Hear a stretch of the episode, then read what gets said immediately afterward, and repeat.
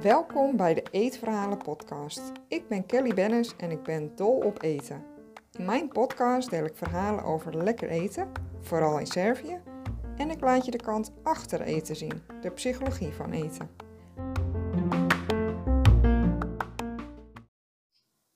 Zo. Ja, nou. Is het gelukt? Mooi. Nou, superleuk om, eh, om je te spreken. Ja, want we gaan het vandaag hebben over jouw eetstoornis. Ja, ik, vraag dat er altijd eventjes bij. Eh, vind je dat oké dat ik dat zo noem? Of wil je dat ik het anders noem? Nee hoor. Nee, mag het zo zeggen. Ja, want jij bent Natasja. Ja. Eh superleuk dat je, ja, en ook ja, heel mooi en fijn dat je wat wil vertellen over jouw eetstoornis. Want ja, ik kan me voorstellen dat dat misschien eh, wel lastig kan zijn zelfs. Maar ik had het idee dat jij het heel fijn vindt eigenlijk, hè, om er wat over te vertellen. Klopt dat? Ja, vooral omdat ik merk dat eh, dus iets dat ik heb niet heel vaak voorkomt. En het ook nog niet echt een officiële eetstoornisnaam heeft. Ja, Ehm, dus ik vind het wel fijn dat ik kan bijdragen om er wat meer bekendheid aan te geven. zeker, ja. Dat kan ik me voorstellen. Dat is ook heel fijn dat je dat wilt doen. eh. Ja, ja. En, want welke eetstoornis heb jij? eh, orthorexia in combinatie met emeterie. Mhm. Dus dat houdt in dat eh eigenlijk altijd heel gezond wilde eten. Compenseerde met sporten. En doordat ik ook een angst heb voor overgeven, durfde ik eigenlijk heel weinig producten te eten. En daardoor werd mijn wereldje in eten eigenlijk heel klein. Eh, doordat ik alle producten waar ik me niet lekker door voelde of waar ik niet fijn op kon sporten, dat stoot ik uit. Eh, wat resulteerde dat ik eigenlijk heel eenzijdig ging eten en veel voedingsstoffen kwam. Precies, ja. En- Want je zei waar je niet op kon sporten? Ja, waar ik bijvoorbeeld eh, niet genoeg energie kreeg, wat voor mij niet gezond genoeg was, voedingsstoffen, dat sloot ik allemaal buiten. Dus het moest heel voedzaam zijn als ik überhaupt ging eten. Ja, en kan je daar wat voorbeelden van geven? Hoe zag dat er dan uit? eh? Ehm, nou, ik, eigenlijk ehm, ging ik heel veel leven op havermout. Ik dacht, dat kun je ook weer goed bebranden, daar krijg je goed energie van. Eh, en het was heel gezond. Ehm, dus eigenlijk, eigenlijk at ik op een gegeven moment alleen maar havermout nog. Mhm. Ja, en want sinds wanneer heb je hier last van? eh? Ehm, ik denk dat het ongeveer vier jaar geleden is begonnen. En ik heb nu ehm, twee jaar therapie ervoor. en Ja. hoe, hoe was dat voor jou? Ehm, nou, in het begin had ik het niet zo echt door dat ik een eetstoornis aan het ontwikkelen was. Ehm, ik werk natuurlijk ook in de sportwereld, dus ik dacht, nou ja, gezond eten is altijd belangrijk, genoeg sporten ook. Ehm, en ik merkte eigenlijk pas dat ik doorgeslagen was op het moment dat ik eigenlijk al te ver doorgeslagen was. Ja, ik merkte ook vooral dat ik heel veel lichamelijke klachten kreeg, veel duizeligheid, eh, koud. Ging natuurlijk ook naar beneden door het vele sporten. En mijn spieren waren eigenlijk oververmoeid. Mhm. Eh, dus op die manier merkte ik eigenlijk van, oh, dit is misschien niet heel goed wat ik doe. En ik kreeg ook veel paniekaanvallen, ook tijdens het eten. En eh, gewoon dat ik me eigenlijk niet lekker voelde in mijn eigen lichaam. Mhm. Ja, dus toen dacht ik, misschien is er wel wat meer aan de hand. Ja, Wel heel goed dat je dat zelf hebt gezien toch ook uiteindelijk. eh. ja, ja. En weet je ook nu dat het heel normaal is eigenlijk, hè? Dat je dat eigenlijk pas te laat ziet? Ja, ja, in het begin dacht ik van, oh, had ik maar eerder erachter gekomen. Maar nu ik ook in therapie zit en ik meer verhalen hoor van andere meiden ook, eh, is het eigenlijk heel normaal dat je er pas later achter komt dat je eigenlijk niet goed bezig bent. Ja, precies. Uh, plus dat, ja, je denkt ook van, nou, veel sport en eten is, is juist heel goed voor je lichaam. Op zekere hoogte is dat ook wel goed voor je, maar als je erin doorslaat, kom je ook heel veel voedingsstoffen tekort. Dus dat, dan is het niet meer gezond. Nee, zeker, klopt inderdaad. Ja. En, eh, want je zegt, je hebt nu twee jaar therapie. En klopt het dat je ook recent eh, een andere therapie bent gestart? Of, of is het gewoon een traject met verschillende behandelingen? Kan je daar wat meer over vertellen? Um, ja, ik ben eigenlijk begonnen um, in een vierdaagse therapiegroep. Dus dan moest ik vier dagen van um, ongeveer acht uur tot en met uh, drie uur, half vier was ik dan in een groep met andere meiden. Mhm. En dat is eigenlijk heel praktisch. Dus je leert eigenlijk weer eten. Uh, we hebben daar onze vaste eetmomenten. Je krijgt voedingsmanagement. Uh, en blokken eromheen waarbij je ook kan werken aan, uh, ja, aan je onzekerheden en zo. Um, dat duurde twaalf weken in totaal. Mhm. En ehm, daar was ik dus mee gestart. Toen kreeg ik een verlenging van zes weken, omdat mijn voedingspatroon eigenlijk nog niet goed genoeg was om naar fase 2 te gaan. Mhm. In fase 2 uh, ga je van vier dagen naar twee dagen therapie. Ehm, en dan ga je echt meer werken ook aan de onderliggende dingen. Mhm. Maar omdat mijn voedingspatroon nog niet helemaal op orde was, kon ik daar eigenlijk niet naartoe. Ehm, dus toen ben ik individueel verder gegaan. Uh, kreeg ik ook EMDR voor mijn angst te overgeven en ik kreeg exposure therapie. Dat je eigenlijk alles aangaat wat je hartstikke eng vindt. Was eigenlijk heel hulpzaam en toen ging mijn behandelaar weg. En toen kwam ik eigenlijk zonder behandelaar te zitten. Want er was geen plek meer voor mij en er was nog geen vervanger voor mijn behandelaar die wegging. En uh, op een gegeven moment kwam de corona er doorheen, dus de behandelplek waar ik was, uh, die ging ook een tijdje dicht. En eigenlijk door de coronaperiode ben ik een beetje teruggevallen. Mhm. Dus ben ik dit jaar eigenlijk weer opnieuw begonnen, uh, wel op dezelfde plek, om weer opnieuw de vierdaagse therapie te doen. En op dit moment zit ik nog in de tweedaagse. Dus uh, twee dagen in de week ben ik nog daar om uh, te werken aan, uh, aan de onderliggende problemen. Ja, wat goed.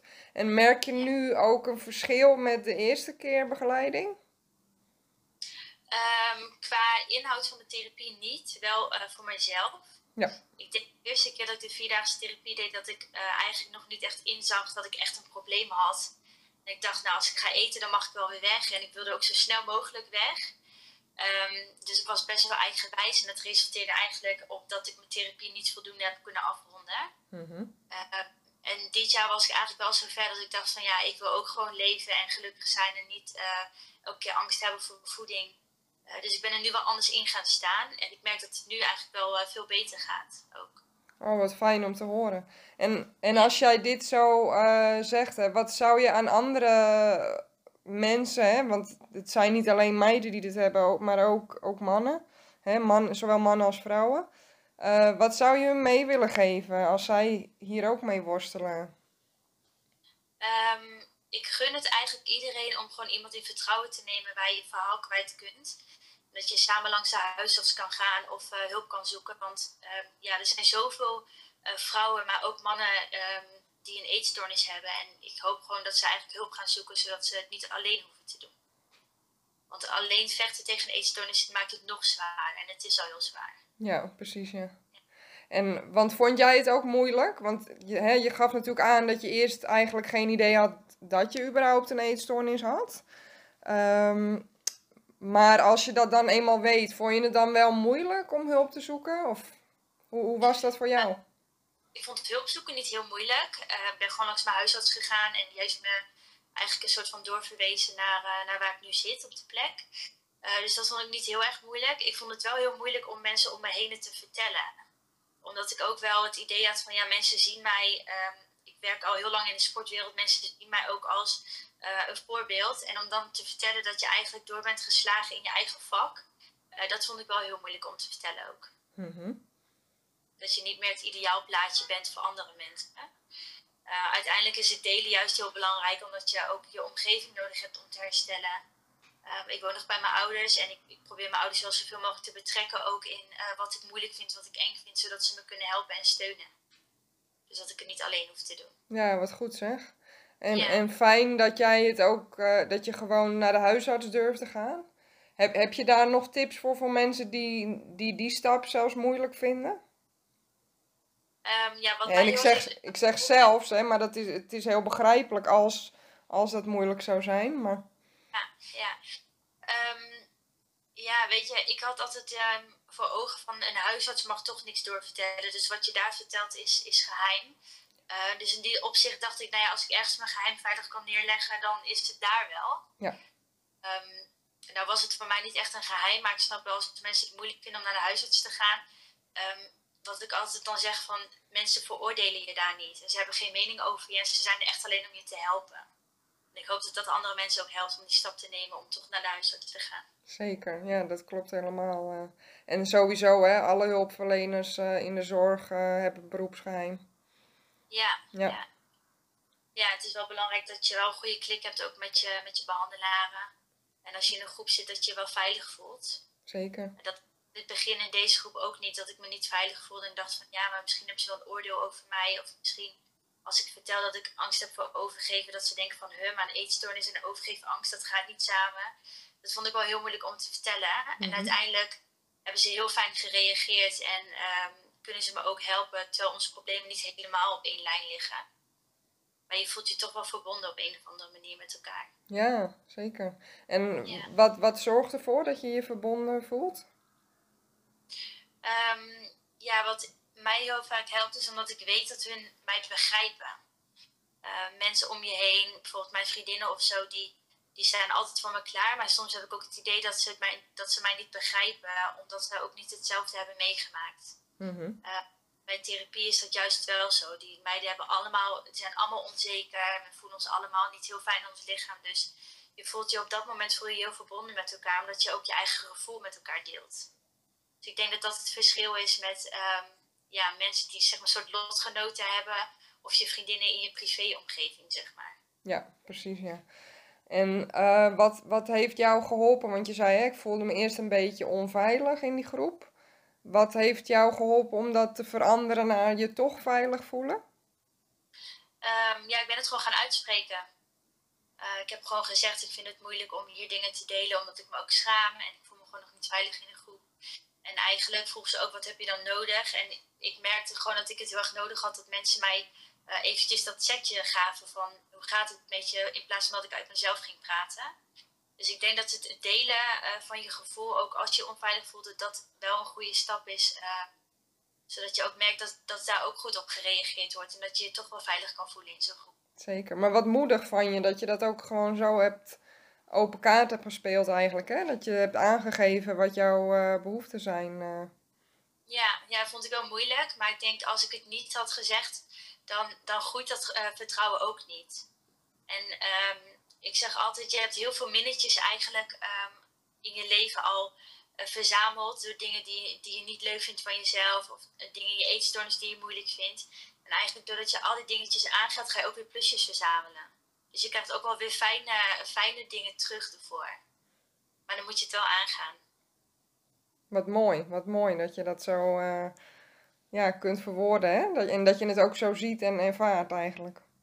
Ja, ja, en als je elke keer in dat gevoel blijft zitten van ik voel me niet veilig en ik kan niet delen, dan ben je eigenlijk ook met je eigen kritische stem weer bezig. Hetzelfde stemmetje als de eetstoornis van ja, je mag niet eten.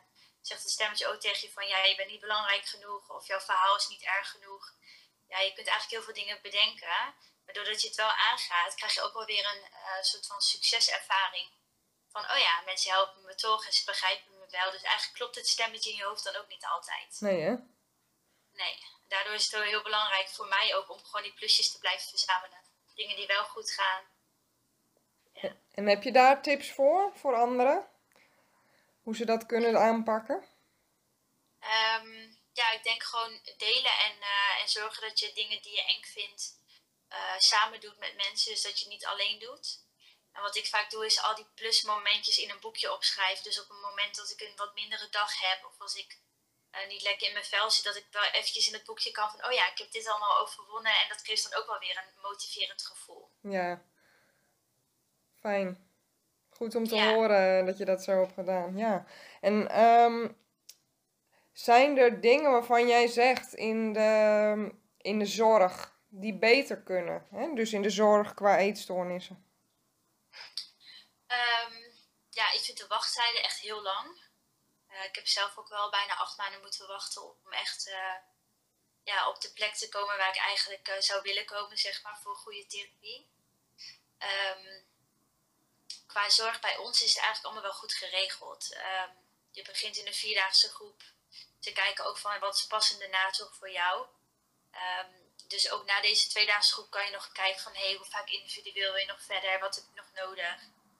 Ehm, dus bij ons is het eigenlijk wel redelijk goed geregeld. Ik weet niet hoe het bij andere instanties is. Ehm, maar de wachttijden, dat is wel iets wat, eh, wat ik wel heel erg zorgelijk vind ook. Mhm.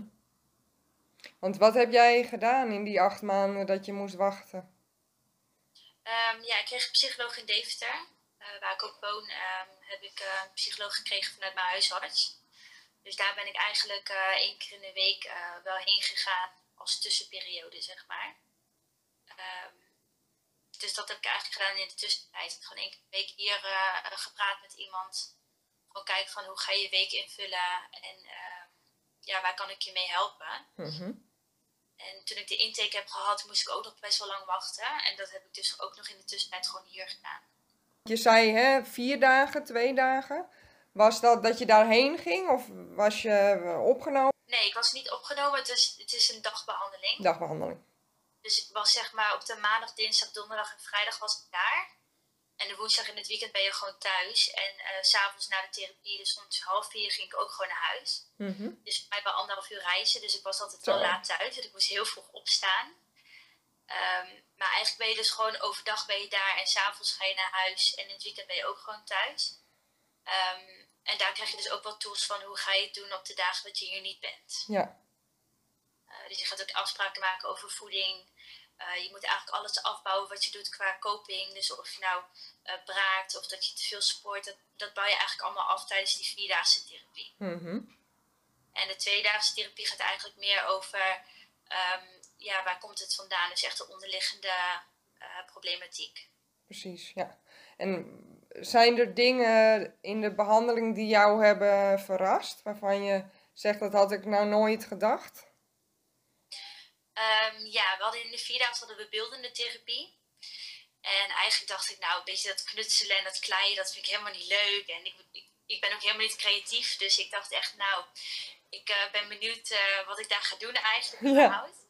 Eh, uiteindelijk heeft het me wel verrast dat je toch soms, ook al maakt je iets heel lelijks of iets wat je denkt van, nou, dat wil ik ook niet boven mijn bed hangen. Dat je eigenlijk best wel eh, wat dingen voor jezelf eruit kan halen. Wat voor patronen je hebt, ook in je dagelijks leven. Of qua kleurgebruik wat je gebruikt, dat ze dat uitlegt van, oh, ik merk dit en dit aan je. Dus uiteindelijk heeft dat me wel verrast. Oh, wat mooi. Ja, leuk om te zien dan, hè? Dat het je, Ja. dat het je toch helpt terwijl je dat eigenlijk helemaal niet verwacht. eh. Ja, ja, precies. En ehm, eh, zijn er nog dingen waarvan je zegt, ja, dat zou ik graag nog willen vertellen of mee willen geven eh, aan anderen? Ehm, ja, wat ik wil meegeven aan anderen is dat ik gewoon hoop dat ze zichzelf ook de hulp gunnen. Ehm, ik merk ook wel vanuit de mensen, vanuit de therapie waar ik ben, dat je eigenlijk jezelf niet zoveel gunt. Mhm. Maar ik hoop gewoon dat, ze, ja, dat mensen ook weten dat er gewoon hulp is. En dat je nog een heel leven voor je hebt. En dat je dat ook heel fijn kan leven zonder eetstoornis. Dat je het eigenlijk niet nodig hebt. Maar dan moet je het wel aanpakken. Precies, ja. En heb je daar nog tips voor? Want heel veel mensen vinden het moeilijk, hè? Ja, het enige wat, ik, wat mij altijd eh, heeft geholpen is gewoon er doorheen gaan. Ehm, want als je het niet aanpakt, dan, dan ergens komt het toch wel op je pad dat je het eigenlijk niet meer gaat trekken. Mhm. Beter zo vroeg mogelijk aan de bel trekken en eh, zorgen dat je gewoon een goed traject kan volgen. Dat je er te lang mee doorloopt. Zeker, inderdaad, ja. En eh, want dat is hè, wat jij ook hebt ervaren. Er, er zijn gewoon lange wachtlijsten. Ehm, wat, wat, wat zou jij eh, adviseren voor mensen die ook er tegenaan lopen? Hè? Van ik heb me aangemeld voor een traject eh, voor behandeling van mijn eetstoornis, maar ik moet toch heel lang wachten. Wat moet ik nou doen in de tussentijd? Eh, wat, wat zou jij diegene adviseren? Ehm, ja, door toch te kijken of je ergens toch met iemand kan praten. Dus misschien bij de huisarts zelf of bij de praktijkondersteuner. Eh, of een maatschappelijke werker die in ieder geval wel met jou kan kijken hoe je nu je, dan je dagen kan invullen. En of je in ieder geval al kleine stapjes kunt zetten voordat je echt in behandeling gaat. Mhm. Ik ben toen ook in die tijd wel bij een diëtist geweest om te kijken van hé, welke stapjes kan ik wel maken eh, qua voeding. ehm, kan ik al wat kleine dingetjes aangaan. Eh, want dat zou je toch uiteindelijk ook moeten doen als je echt de therapie gaat volgen voor een eetstoornis. Mhm. En hoe was de. Want je gaf ook aan hè, dat er werd gekeken naar de onderliggende patronen, maar ook naar de voeding zelf. Was daar een bepaalde volgorde in, in deze behandeling? Ehm, ja, bij ons is het meer dat we eerst werken eigenlijk aan het fundament. Dus het zorgen dat je weer goed eet. En dat je je kopingsmechanismes gaat afbouwen. En dat doen ze eigenlijk bewust bij ons, omdat ze zeggen: als je heel weinig eet, begin je ook heel weinig te voelen. En als je meer gaat eten, ga je ook meer voelen en kan je eigenlijk ook de, de wat zwaardere thema's kan je wat beter aan. Mhm. Dus bij ons is het eigenlijk meer zo dat ze eerst eigenlijk heel praktische therapie doen van eh, leren opnieuw eten, eh, zes eetmomenten hebben op een dag, eh, eigenlijk alles afbouwen wat niet goed en gezond voor je is. En als dat een beetje ehm, stabiel is, dan verder naar de volgende stap en kijken van hé, hey, waar komt eigenlijk je eetstoornis vandaan, waar heb je het voor nodig? Ja. Dan kan je dat ook aan, dan ben je ook wat sterker weer. Ja. En je weet eigenlijk, klopt het dan als ik jouw verhaal zo hoor, dat als je begint hè, met ehm, je, eet, je eetgedrag eigenlijk aanpakken, hè, dat veranderen, dat je eigenlijk zelf nog geen inzicht hebt in waarom je dat doet, waar dat vandaan komt? Ja, dat wisselt wel een beetje. Ik heb ook wel wat meiden in de groep gehad die eigenlijk al precies weten van ja, ik heb eigenlijk mijn, mijn controle in uh, voeding nodig door bijvoorbeeld een trauma die ze hebben meegemaakt of een pestverleden, uh, noem zo maar op. Um, ik had eigenlijk weer dat ik dacht van ja, ik weet eigenlijk niet zo goed waarom ik het nodig had. Ja. Um, waarom ik controle in eten zoek. Dus dat wisselt wel een beetje per, uh, per persoon eigenlijk. Wel echt super, uh, super gaaf dat je je verhaal wilde doen. Ook echt ja, mooi om te zien wat voor proces je bent doorgegaan. Want hoe, hoe vind je nu waar je zelf staat? Hoe, hoe gaat het nu met jou? Um, ja, eigenlijk gaat het wel goed. Ik merk wel, uh, ik zit natuurlijk nog midden in mijn therapie, dat sommige dagen wel weer lastig zijn en dat ik dan toch soms wel weer de controle zoek in eten. Uh, maar eigenlijk over het algemeen gaat het wel al stukken beter ook met eten. En voel ik me wat meer energieker.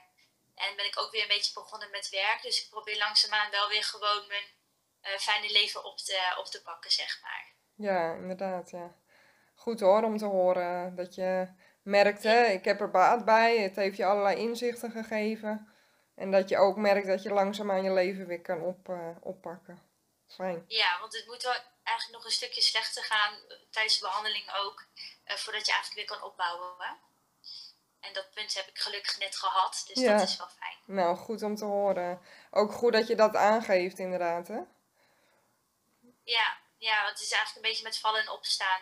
Uh, ja, als je de therapie begint, dan heb je natuurlijk ook, uh, ja, je voelt niet zoveel, je eet nog niet zoveel. Je hebt eigenlijk alles nog onder controle. Maar op het moment dat we eigenlijk aan al jouw controle dingetjes gaan zitten, ja, dan, dan ga je gewoon ook weer wat meer paniek voelen. En je gaat je wat slechter voelen. En je denkt echt, waar doe ik het eigenlijk voor? Ik wil mijn controle weer terug. Maar ja, je moet daar wel doorheen om je daarna uiteindelijk toch weer beter te voelen. En iedereen kan het aan, wat ik ook heb gezien om mij heen. Dus, ja, uh, oh, dat is heel mooi dat je dat zegt. Ja. Ja. Super. Ja, het verbaast je soms hoe sterk je eigenlijk bent hoor. Ja. Ja, zeker. Ja, mensen kunnen heel wat aan. Uh. Ja. Zeker. Ja, de dingetjes die er eigenlijk bij komen, vaak uh, bij mensen bijvoorbeeld een eetstoornis en nog een andere diagnose. Um, ja, ik hoop dat mensen ook beseffen dat het niet raar is dat je bijvoorbeeld twee dingen hebt. Ik heb natuurlijk een overgewichtangst. Um, ja, dat staat wel gelijk ook samen met mijn eetstoornis. Dus het is niet gek om twee dingen te hebben, zeg maar. Nee, of, of veel meer. Ja, dat, uh, ja. ieder persoon is anders, hè, inderdaad. Ja, want ja. je bent er dus ook achter gekomen, hè, dat het... Want jij had zelf het idee van, nou, misschien vinden mensen dat wel heel gek, dat ik ook overgeven angst heb. Maar dat ja. dat helemaal niet zo bleek te zijn, klopt dat?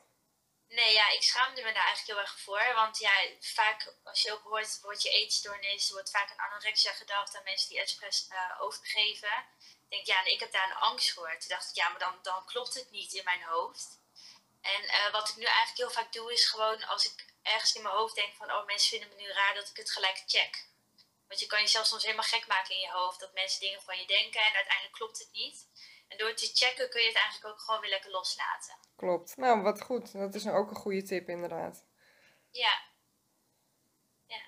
Nou, heel erg bedankt voor jouw verhaal. En um, ja. ja, dan um, gaan we deze podcast uh, online zetten. Leuk, ik heb er zin in. Ja, echt heel leuk dat je je verhaal wilde doen. Uh, je geeft heel veel tips en ik denk dat het ook heel herkenbaar is voor andere mensen. Ja, ik hoop dat ik uh, met deze podcast ook wat andere meiden heb kunnen helpen en, en jongens natuurlijk ook. Nou, dat weet ik wel zeker, want hè, jij vertelt het uit je eigen ervaring en dan zullen altijd andere mensen zich daarin herkennen. Dus uh, ja. top. Nou. nou, dankjewel hè. Ja, jij ook bedankt. Heb jij een eetstoornis waar je over wilt vertellen in deze podcast, net als Natasja? Laat het me dan weten en stuur een bericht op 06 1204 8004. Ik hoor graag van je. Dankjewel.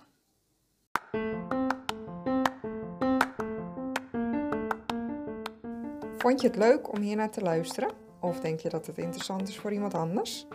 Deel mijn podcast, bijvoorbeeld met een screenshot op Instagram en een tag naar mijn account. Alvast super bedankt. Je kunt me bereiken via kellybennis.nl en daar vind je ook mijn social media kanalen. Heb je een vraag of een verzoek voor een bepaalde aflevering? Laat het me weten. Dat vind ik echt super leuk als jij ook je input geeft. Tot de volgende aflevering.